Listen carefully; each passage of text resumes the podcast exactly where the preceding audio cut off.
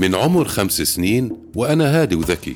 دخلت المدرسة بعمر الخمس سنين ومن هداك الوقت لليوم ملتزم بصلاتي. انولدت بمخيم الفوار سنة الستة وسبعين.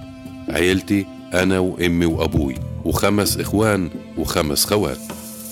كبرت ودرست بمدارس المخيم لحد الثانوية والتوجيهي نجحت وحصلت على معدل 83% درست بجامعة بيت لحم ورجعت درست بجامعة القدس أبو ديس تخصص فيزياء.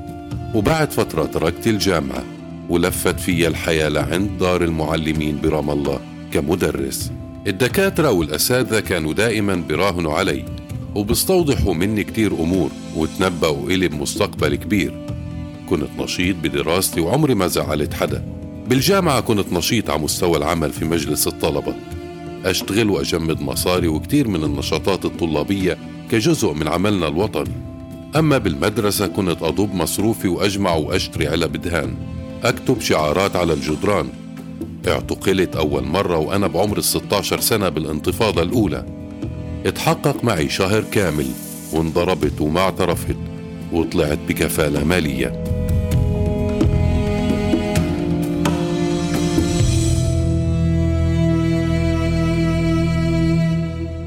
كبرت وكبرت مقاومتي وانضميت لكتائب القسام والعمل مع الشباب لتنفيذ عمليات استشهادية وبالفعل بلشت العمليات الاستشهادية في كل مكان ضد المحتل وبلشت المطاردة بعد ما انكشفت.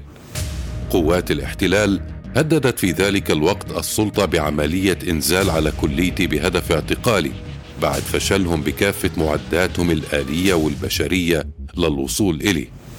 اعتقلت لدى الأجهزة الأمنية الفلسطينية وتحولت لسجن أريحة. وبانتفاضة الأقصى هاجمت إسرائيل ضمن عدوانها على الشعب الفلسطيني كافة مقرات السلطة عبر التدمير والقصف والاجتياحات. طلعت من السجن بعد ست سنين ورجعت على الخليل بالسر. تزوجت امرأة قررت تكون شريكة معي بالمقاومة وبالنضال. ومع اجتياح الخليل رجعت هربت. وبتاريخ 4 11 2002 عند صلاة الفجر تم اعتقالي بمنطقة الحاوز من قبل قوات الاحتلال.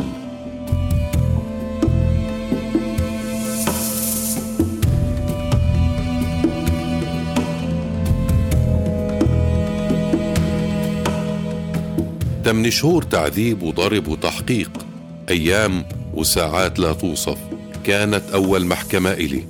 وبعد ما يقارب سنتين ونص انحكمت بثمانية وأربعين مؤبدا. التهمة كانت تجنيد استشهاديين وهم الشهداء مجدي أبو وردة إبراهيم السراحنة ورائد الشرنوبي.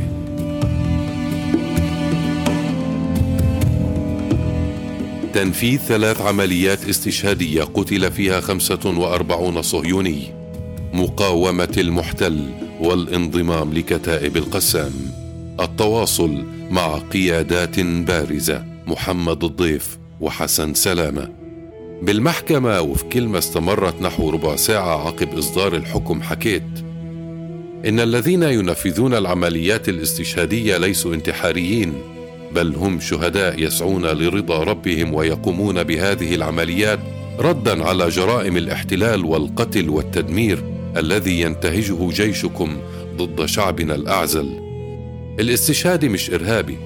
إنتم عشتم في كرامة وعزة عنا كمسلمين. الشعوب الثانية أهانتكم وأهانت كرامتكم. حكمتوني 48 مؤبد. خلوهم خمسين لأنه دوركم جاي.